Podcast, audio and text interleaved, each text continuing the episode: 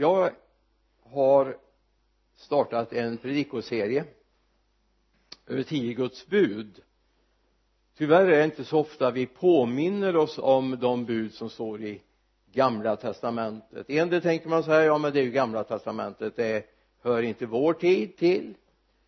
Och det är lite märkligt i så fall för både Jesus citerar det och kommenterar det och Paulus kommenterar det så att visst hör det också nya testamentet till. Men många säger så här när man börjar ta upp det här med tio Guds bud det här har jag inte hört om sedan jag gick och konfirmerades eller eh, när jag var ung då, då fick vi lära oss de här buden. Problemet är bara att eh, många har lärt sig fel. Vi har lärt oss eh, Martin Luthers version i bland annat eh, andra budet där vi talar om vilodag och inte sabbatsdag. Det är så vitt skilt det kan bli. Men det var lite grann för att förenkla och lite lättare kanske att förstå. Men en översättning ska vara en översättning. En tolkning ska vara en tolkning som stämmer med originalet. Och det är viktigt. Men vi är framme nu har kommit en bit. Vi ska till femte budet idag. Och det vet ju alla naturligtvis vad femte budet är.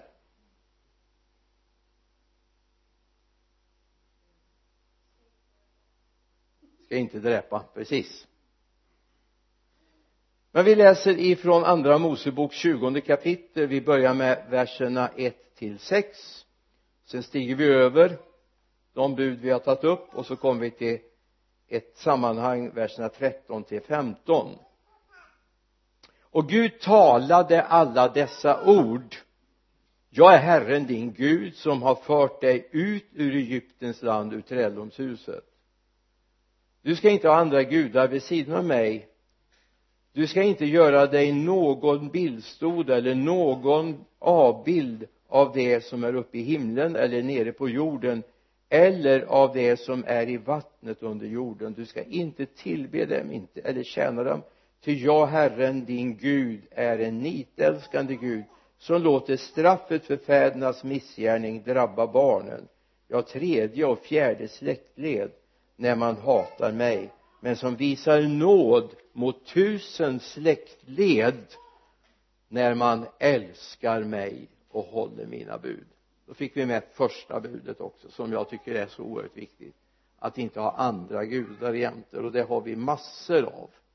Men det ska vi inte prata om idag. Det pratar vi om för tre, fyra, veck fem veckor sedan tror jag.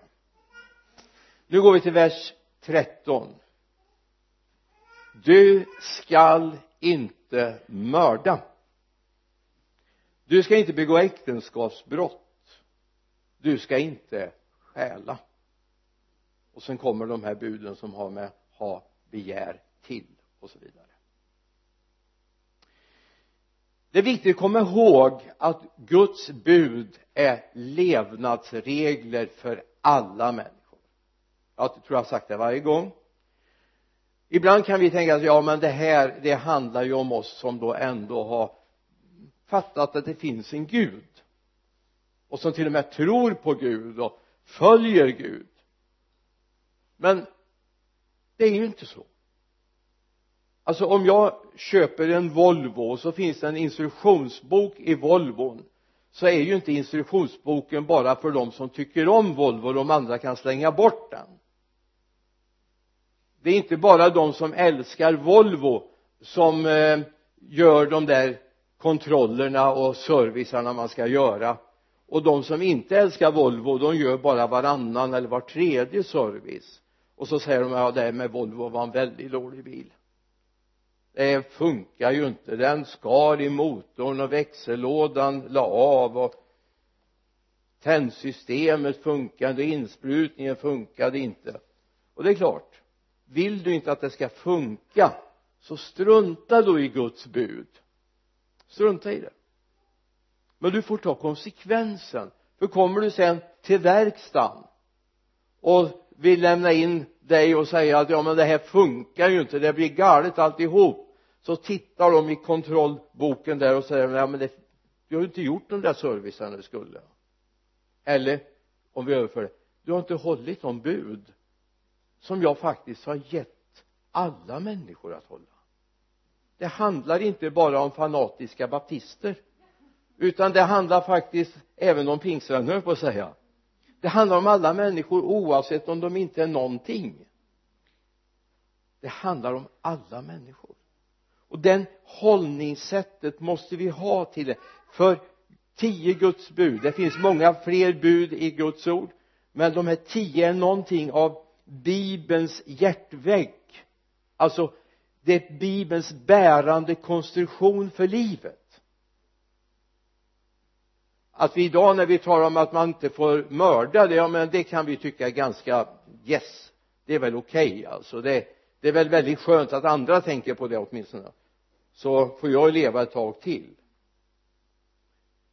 Alltså se Guds bud och gamla testamentet som hjärtväggen bärande konstruktioner jag vet inte om du är inne i det här med byggsvängen men jag vet att när jag gick på byggen en gång i tiden så var det så viktigt med hjärtväggarna eller när man skulle bygga om ett gammalt hus rev man ett hus eller en vägg som hade bärande konstruktion så fick man lite svaj i taket.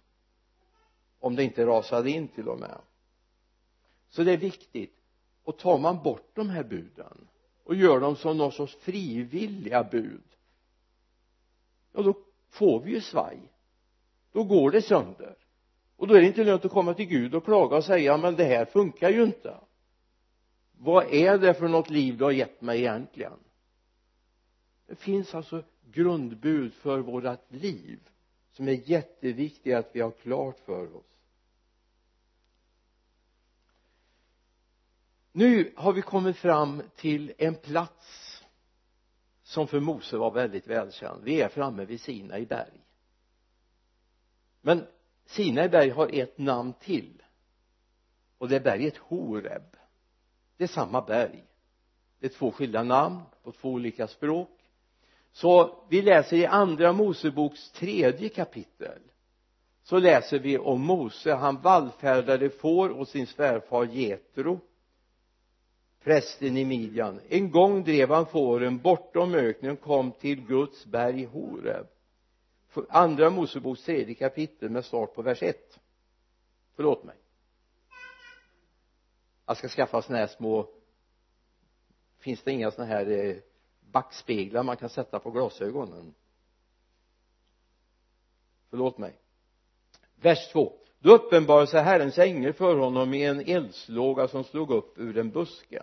Han såg att busken brann av eld utan att busken brann upp.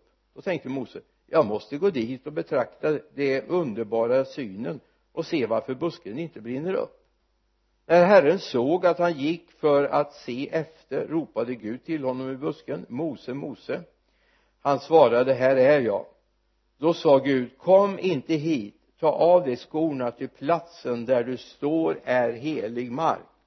Och han sa jag är din fars Gud Abrahams Gud Isaks Gud och Jakobs Gud. Då dolde Mose ansiktet ty han bävade för att se på Gud. Här är första mötet Mose har med Horeb. Det här han drabbas av kallelsen, sin kallelse.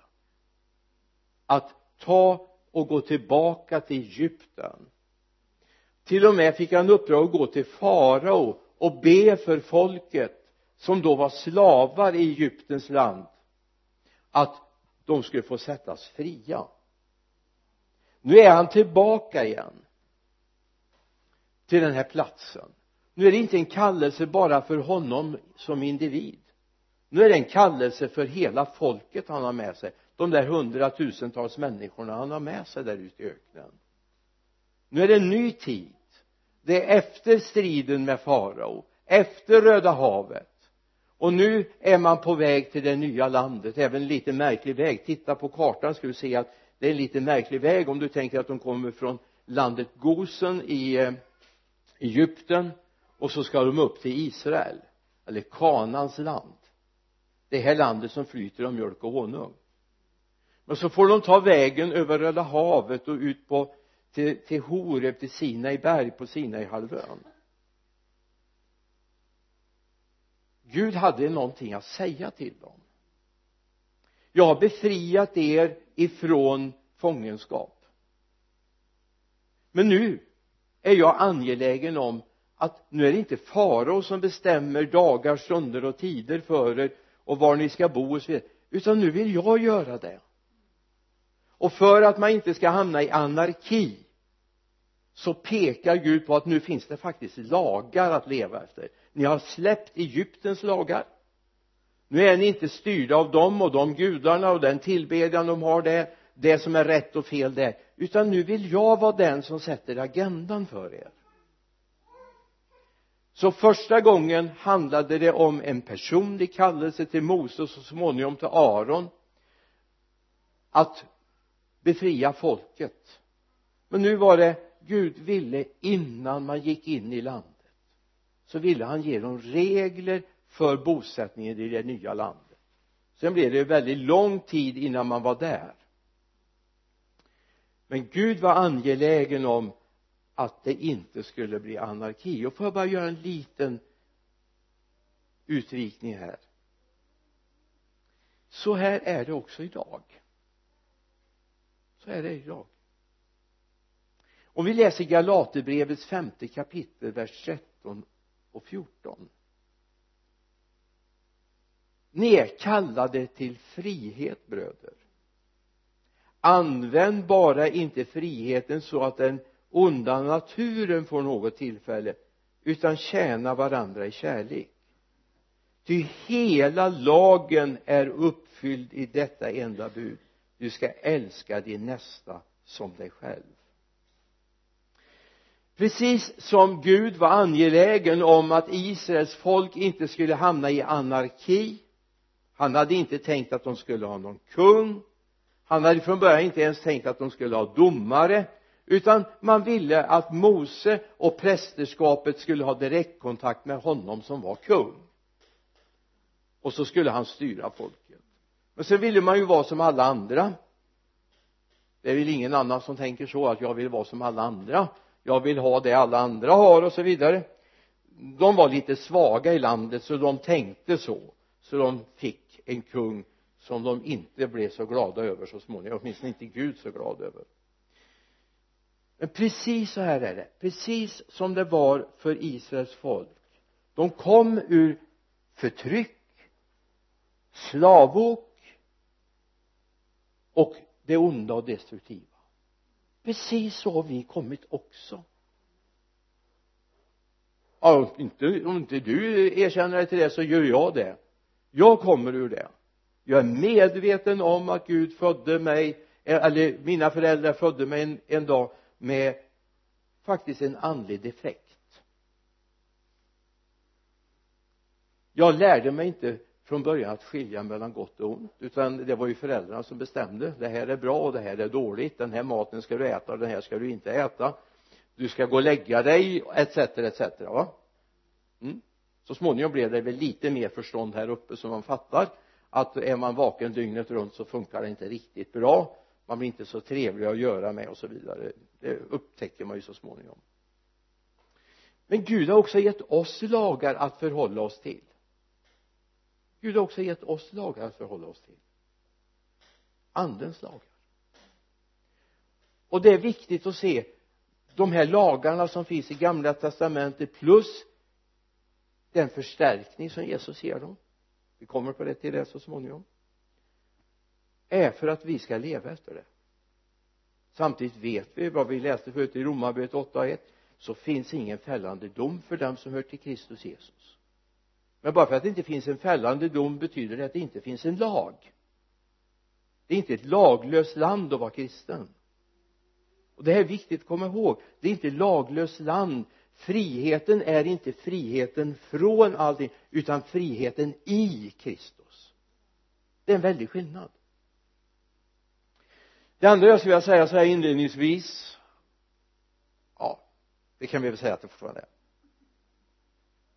Jag får lite support här det är väldigt fint med beundrare så här.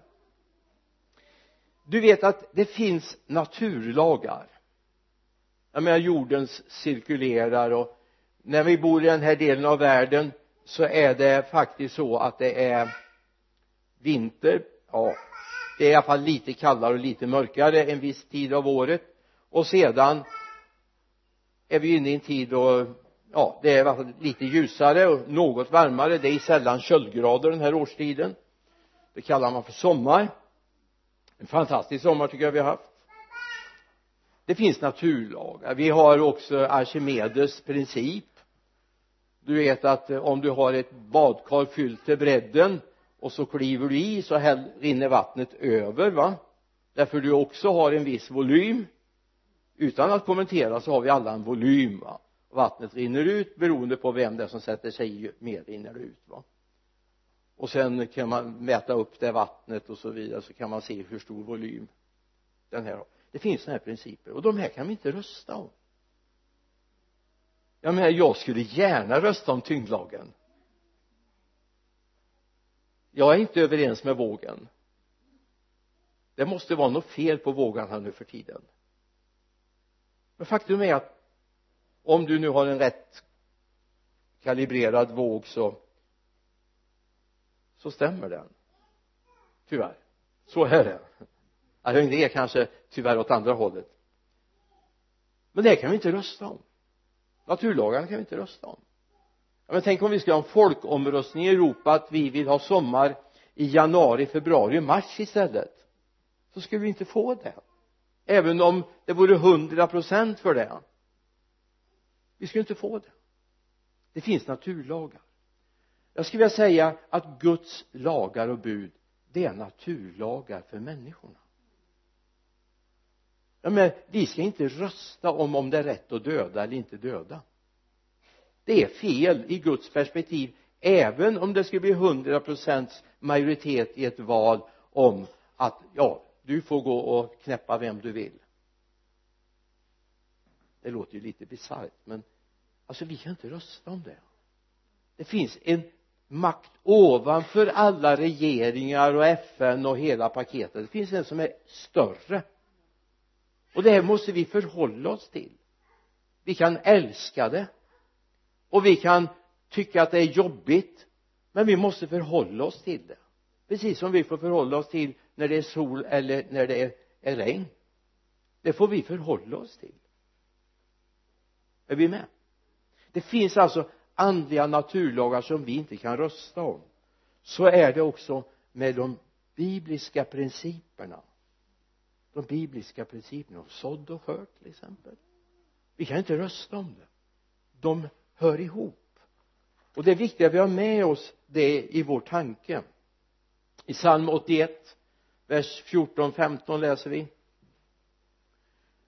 En, en smärta, en nöd ifrån från Guds hjärta. Om mitt folk ändå ville höra mig och om Israel ville vandra på mina vägar då skulle jag snart kuva deras fiender vända min hand mot deras ovänner. O om mitt folk ändå ville höra mig och om Israel ville vandra på mina vägar.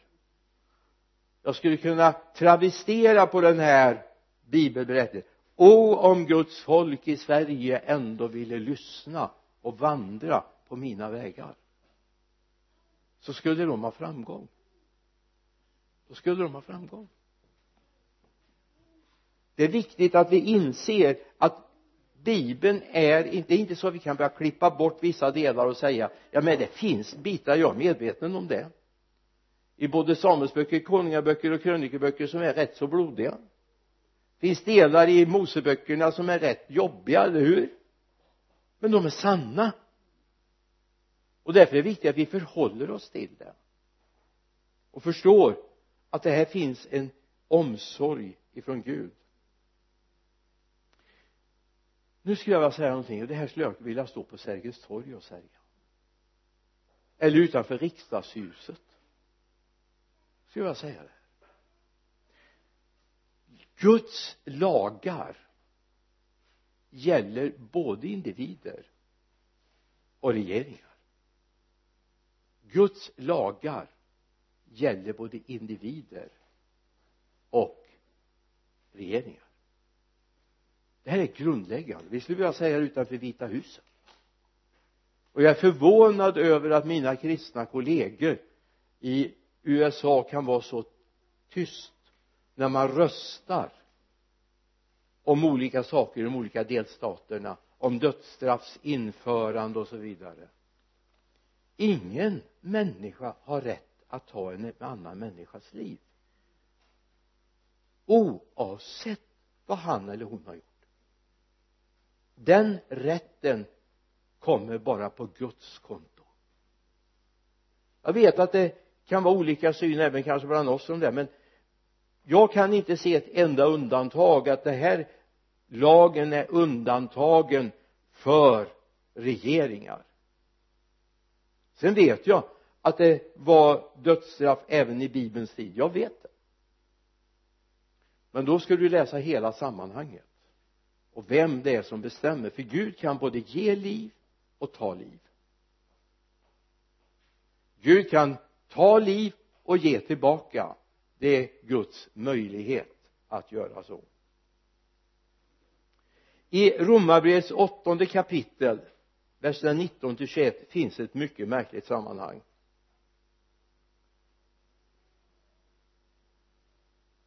Ty skap skapelsen väntar ivrigt på att Guds barn skall uppenbaras. Skapelsen har ju blivit lagd under förgängelsen inte av egen vilja utan genom honom som lade den där under. Ändå finns det ett hopp om att också skapelsen ska befrias från sitt slaveri undan förgängelsen och nå fram till Guds barns härliga frihet. Det finns någonting som händer i hela skapelsen just nu. Det är att skapelsen längtar efter din och mitt förhärligande. Eller din och min lydnad, fullkomliga lydnad under Guds vilja och plan. Så skapelsen hålls i det fjättrade på grund av att församlingen, den kristna gemenskapen inte lever där den ska göra det handlar inte om om vi äter eller inte äter kött i första hand. Det handlar inte om om vi kör bil hur mycket vi än kör eller inte kör. Det är inte prio ett, prio ett att Guds folk börjar förstå att Guds lagar gäller. Och vi gör Gud till Gud över våra liv. Då kommer vi rädda åtminstone de människor som vandrar på den här jorden. Skapelsen ska förgöras. Det vet vi vi behöver inte bara skynda på det. Men det handlar om först och främst att församlingen reser sig upp. Skapelsen längtar ivrigt på att Guds barn ska uppenbaras. Har du hört träden säga det till dig? Men nu får det bli någon ordning på er. Nu får ni börja lyda Gud. För vi är lagd under förgängelsen av honom.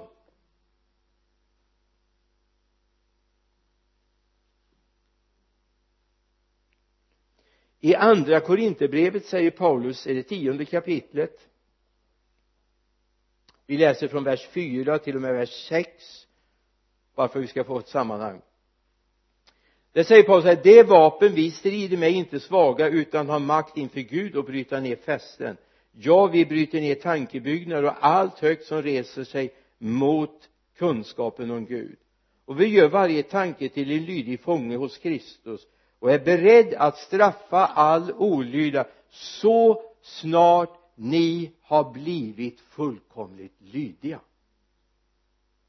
Yes.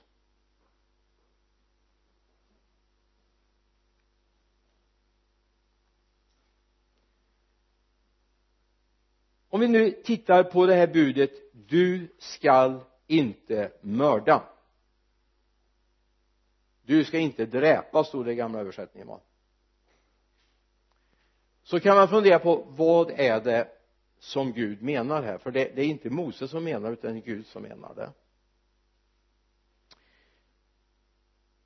Vi skulle kunna säga så här utan att förändra det. Du får inte medvetet ta livet av någon annan människa du får inte medvetet ta livet av någon annan människa. Ja, du får inte ta det av dig själv heller i och för sig. Därför att det ord som används i den hebreiska texten handlar om en aktiv handling. Ni vet att i vår rättspraxis så har vi mord och vi har dråp dråp det är någonting som har hänt i, när, när liksom vreden har runnit på eller det var oplanerat. Det har en lite lägre straffskala än ett berått mord där man medvetet mördar någon. Alltså man kan ju inte säga så här tar man ett skjutvapen eller en kniv och skjuter i bröstet eller i huvudet eller sticker en kniv där så kan man ju inte säga att ja men det bara blev så då finns det en medveten handling det är mord. Och det är precis det här bibeln talar om. Medvetet mördande. Och då är det viktigt att komma ihåg att ingenstans på livscykeln får vi släcka ett liv. Tredje riket försökte lösa äldreproblematiken och eh, med att man faktiskt avlivade de som inte var produktionsdugliga det är mord. Och det är ett brott mot femte budet. Och det budet kommer att dömas hårt en dag. Även om man bara var lakej. Vi har ett ansvar för våra handlingar. Det här är viktigt att komma ihåg. Alltså budet säger du skall inte mörda. Du får inte medvetet ta livet av någon annan människa. Därför livet och nu kommer någonting, nu kommer du sätta i vrångstrupen här. Så håll ordning på det. Livet är ett förvaltarskap. Du äger inte ditt liv. Alltså höra alla de här diskussionerna om kvinnans rätt etc etc då har vi kommit så långt bort från Gud som vi kan därför livet vilket är man eller kvinna eller barn är hans. Är hans. Vi har det av lån från honom. Så hela det här med livet handlar om ett förvaltarskap. Att ta hand om mitt liv att vårda mitt liv det gör jag för hans skull. Sen att jag mår bra av det också det är ju liksom bara bonus då va? Men det handlar om att han ska må bra när han ser sin skapelse som han vill umgås med. I begynnelsen skapade Gud himmel och jord står det i första Moseboks första kapitel vers 1 jorden var öde och tom och mörker var över djupet och Guds ande svävade över vattnet. Gud sa var det ljus? Och det blev ljus. Gud såg att ljuset var gott och han skilde ljuset från mörkret. Gud kallade ljuset dag och mörkret kallade han natt. Och det blev afton och det blev morgon. Det var den första dagen. Jag nöjde mig att jag kunde läsa alla sex dagarna men vi tar det. Men kom ihåg initiativet till att du finns är Guds.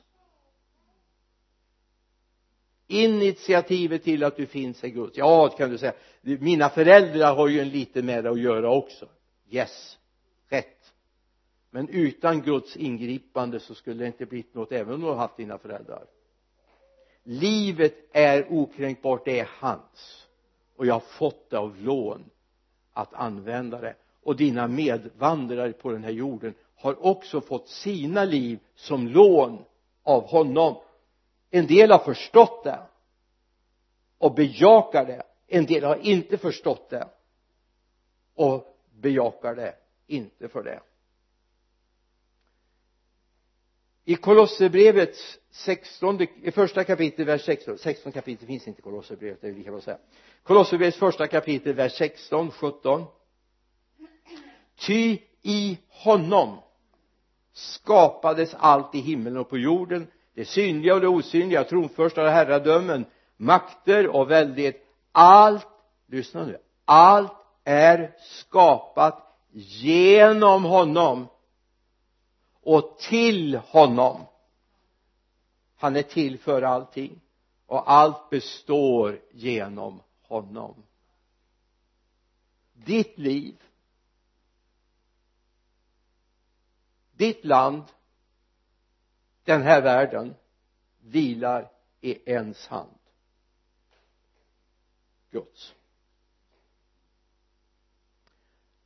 Allt är skapat genom Guds hand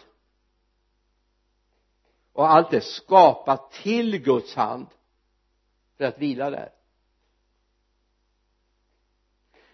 Så är det också med ditt liv. Du har ett ansvar, du har ett förvaltarskap. Vi ska alla göra räkenskap en dag. Får jag ta en enkel bild? Säg att du är på en plats. Här finns ett brandlarm. En sån där litet lock som du ska lyfta eller knacka sönder och så trycka på en knapp nu är det så här att bara för att den där knappen finns där så står det inte varsågod och tryck och testa. Det gör målarna ibland så här när de har nymålat och folk är där och tallar och känner om det är nymålat så brukar de ta en färgklick på den där lappen där det står nymålat på. Så står det känn här.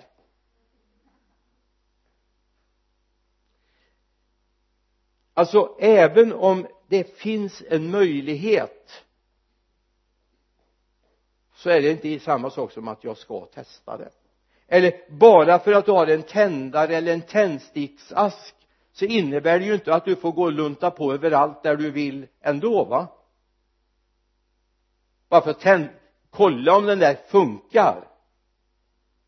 Utan någonstans vi kan alltså förstöra våra liv. Det är det jag vill säga.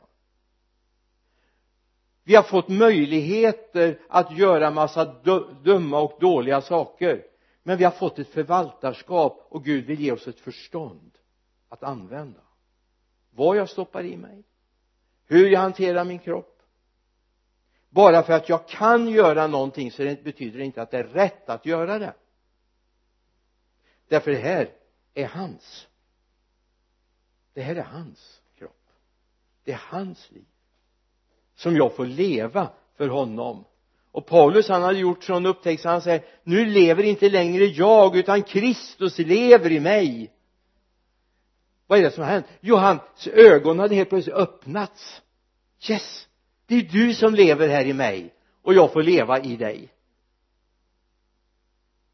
Jag vet inte om han gjorde vågen eller frivolter eller men det var en fantastisk upptäckt han gjorde.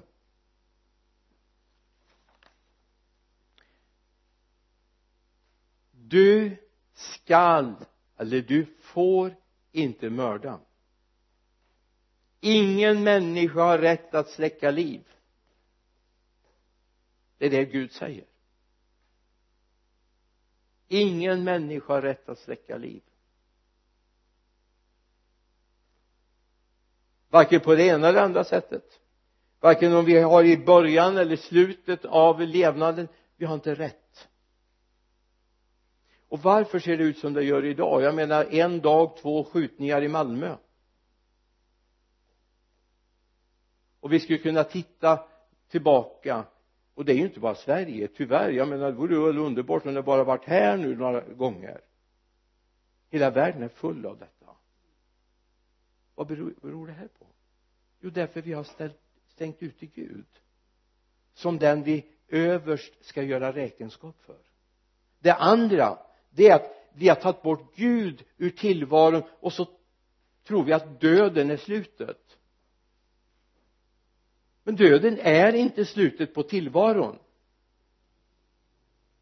Hörde du det? Döden är inte slutet. Egentligen skulle jag bara höra ett rungande halleluja. Eller hur? Döden är inte slutet det som kommer sen är någonting som är jublande dur eller den djupaste moll. Men det är här jag bestämmer. Men tar man bort det och säger som en del säger att ja men det finns ingenting efter. Ingen har kommit tillbaka och berättat. Ja men det är ju inte sant. Redan när Jesus dog så var det människor som kom tillbaka och berättade det var kvinnor som fick tillbaka sina män. När Jesus dog. Men Guds ord vittnar för oss och säger det finns ett liv till.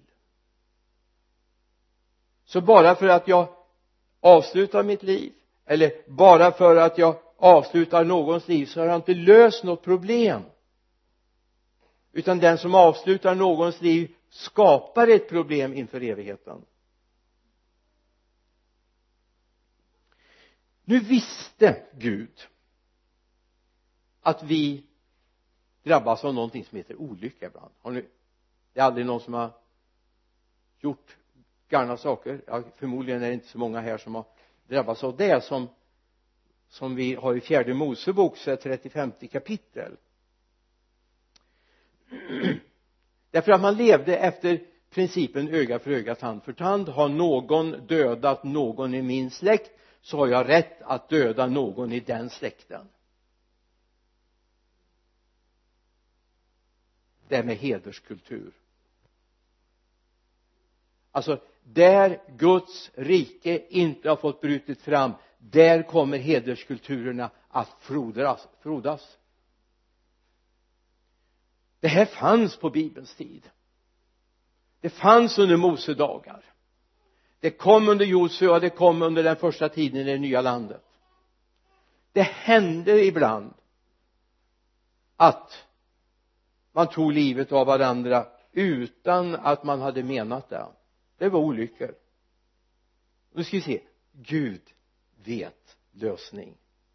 I fjärde Mosebok 35 kapitel vers 11 står det jag kommer mitt in i samma skall ni utse åt er städer som ska vara fristäder för er? Dit en dråpare som av misstag dödat någon ska kunna fly. Dessa städer skall ni ha som tillflyktsort under blodshämnaren så att dråparen inte dör utan han har stått till rätta inför myndigheten, menigheten. Alltså man har en domstol där man avgör var det här misstag eller var det överlagt? Under tiden så fanns det fristäder, sex stycken fristäder i Israel dit man kunde fly och där man kunde få vara fram tills det avkunnades en dom. Ena var en friande dom. Det här var en olyckshändelse och så fanns det regler för hur man skulle lösa det genom gåvor och så vidare va? Eller också var det så att du faktiskt hade gjort det här med berått mod ja då dömdes man till döden. Men det fanns fristäder. Därför Gud vet att vi gör misstag. Och jag ska tala om he hela det här paketet. Alltså jag har inte jag har inte sett någon församling som heter fristad. Jo fristaden har vi ju i Uddevalla ja. Bevars kära någon? Det kommer ifrån det här begreppet. Fristaden. Därför vi är alla syndare som är frälsta av nåd. Det är bara det att även när domen är fälld så finns det nåd kvar. Det är det som är så underbart med frälsningen. I Kristus Jesus. Även när domen är fälld du är skyldig så går Jesus emellan och säger jag tar straffet på mig. Och så går man fri. Men alltså det fanns redan i gamla testamentet en funktion för att man skulle på ett rättvist sätt kunna fälla den eventuella påföljden som behövde till. Livet det här vi har här är heligt. Det är heligt. För att så småningom ska vi ju bli ett tempel åt den helige. Han ska bo här. Han ska bo bland sitt folk. Så här skriver psalmisten psalmisten David.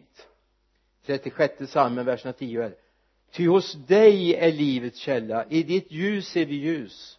Låt din nåd förbli över dem som känner dig och din rättfärdighet över de rättsinniga.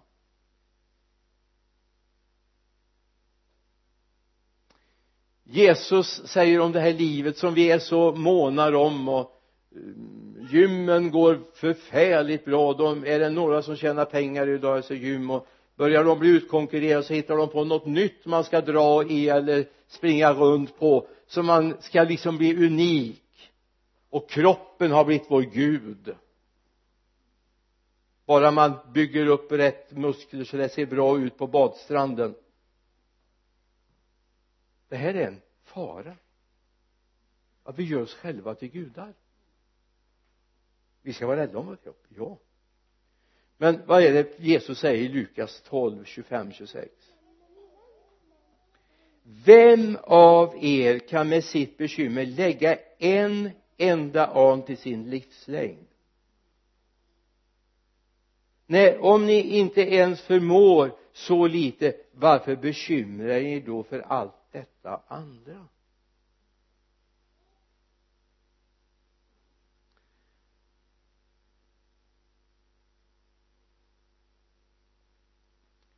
När Jesus tar upp det här med och förklarar de tio buden och kommer till eh, budet om att mörda. Du har det i femte Mose eh, femte kapitlet i Matteusevangeliet femte kapitlet i Matteusevangeliet eller Matteus 5 så ska jag säga det är kanske rättare. Vers 21 och 22 ni har hört att det står det är sagt av fäderna du skall inte mörda den som mördar är skyldig inför domstol. Jag säger er den som är vred på sin broder är skyldig inför domstol. Och den som säger till sin broder ditt dumhuvud är skyldig inför stora rådet alltså högsta domstolen. Och den som säger din dåre är skyldig att dömas till det brinnande Gehenna. Det här är Jesus ord. Så tänk lite både vad du tänker och vad du säger. Alltså att mörda, ja det löser man i domstolen. Om du säger dumhuvud då är det nästa instans, stora rådet. Men om du säger att eh, nej. Jo, din dåre ja då är du skyldig till Gehenna. Och det är alltså det vi kallar för helvetet. Den eviga pinan. Alltså det finns människor idag som förkunnar att det finns inget helvete. Det är inhumant säger man. Ja det är jätteinhumant. Det är hemskt. Men det, så är det. När man hamnar i, i djävulens klor. Då är det inhumant. Det finns inget humant där. I Lukas 16 vers 24 så får vi en liten inblick i hur det är där. Det här är en liknelse Jesus använder. Han talar om Lazarus den fattige Lazarus och den rike mannen. Lazarus fick möjligtvis äta lite som trillade från den rike mannens bord. Och så händer det som händer alla människor livet slutar den rike, eh, den rike begravdes står det. Och Lazarus togs av änglarna till Abrahams sköte. Och så står det att den rike mannen ropar fader Abraham Ab förbarma dig över mig och skicka Lazarus att doppa fingerspetsen i vatten för att svalka min tunga ty jag plågas i denna eld.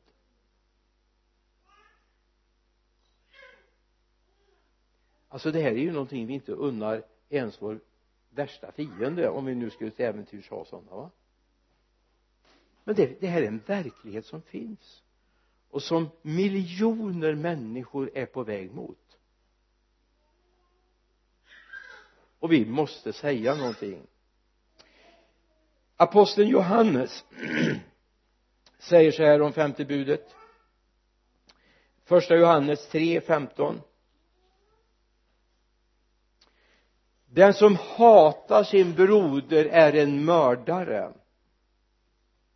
Och ni vet att ingen mördare har evigt liv i sig.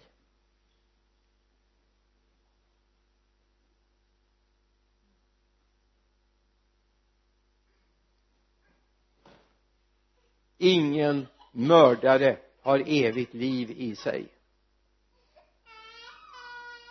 det räcker inte alltid att man är kort i växten eh, det är inte tillräckligt kort ibland.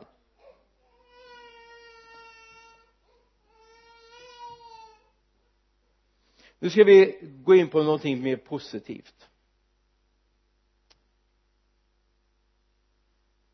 Jesus säger någonting.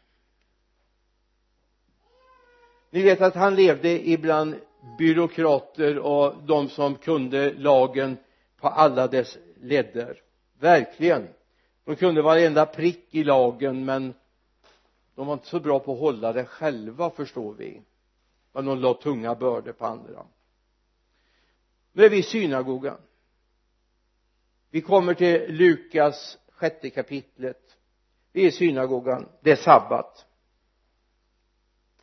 Och dit kommer också en man som har en förtvinad hand höger hand står det i en av, en av, av eh, evangelierna. Han var oförmögen. Och så kommer de där andliga fullkomliga kontrollanterna. Nu ska vi se vad man gör. Vad gör Jesus åt den där mannen? Vi såg att han gick in i synagogan. Vi kollar, vi sätter oss och kollar vad gör han Jesus upplever det här ingen behöver säga någonting, han känner det. Så står det i vers 9 och Jesus sa till dem jag frågar er är det på sabbaten mer tillåtet att göra gott än att göra ont? Att rädda liv än att döda? Vad är det Jesus vill säga? Det får vara vilken dag som helst. Vi har alltid skyldighet att göra det goda. Alltid skyldighet att göra det goda varför de talar om döda. Det var så att man fick nödslakta nämligen på sabbaten.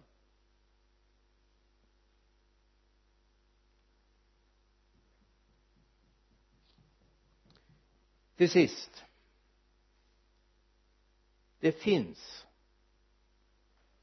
indikationer i våra liv om vi är på väg att bryta mot Guds lagar.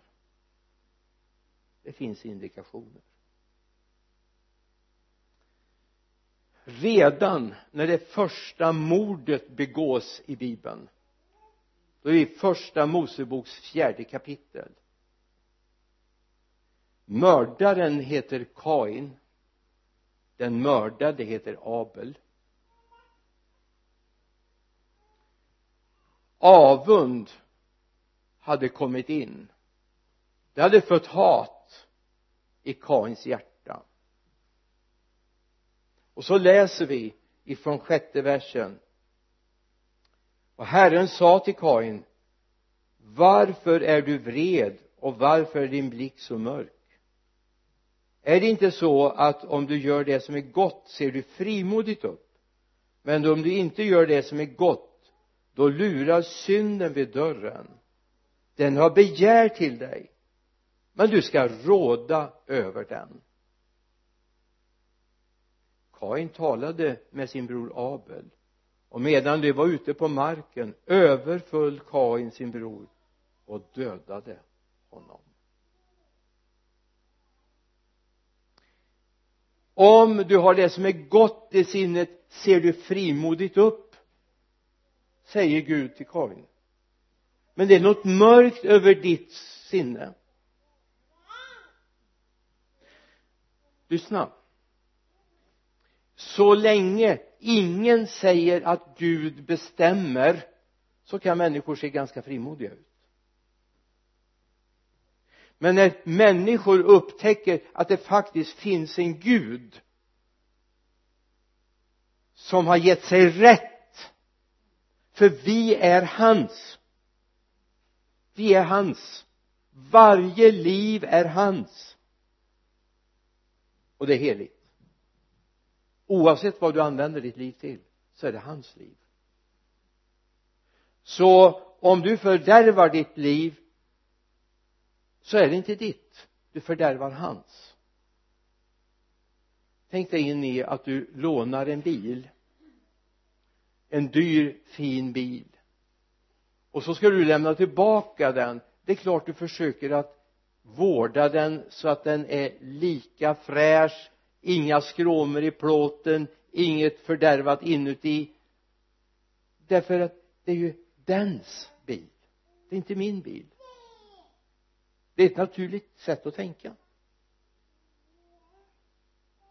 Så är det också med ditt liv. Gud är angelägen om ditt liv. Han vill ha det tillbaka. Och då vill han ha det med dig tillbaka en dag vill han fira bröllop tillsammans med dig. Du är hans. Men vi kan se ibland när vi förkunnar det här då kan till och med en frimodig blick sjunka. Okej. Okay. livet är inte mitt. Jag har det på låns. Jag har inte rätt att göra vad jag vill med mitt liv oavsett om det är man eller kvinna eller hen. Nej det finns inga hen. Vilket du är man eller kvinna så är livet hans. Du är hans egendom. Och en dag ska du göra räkenskap för det livet.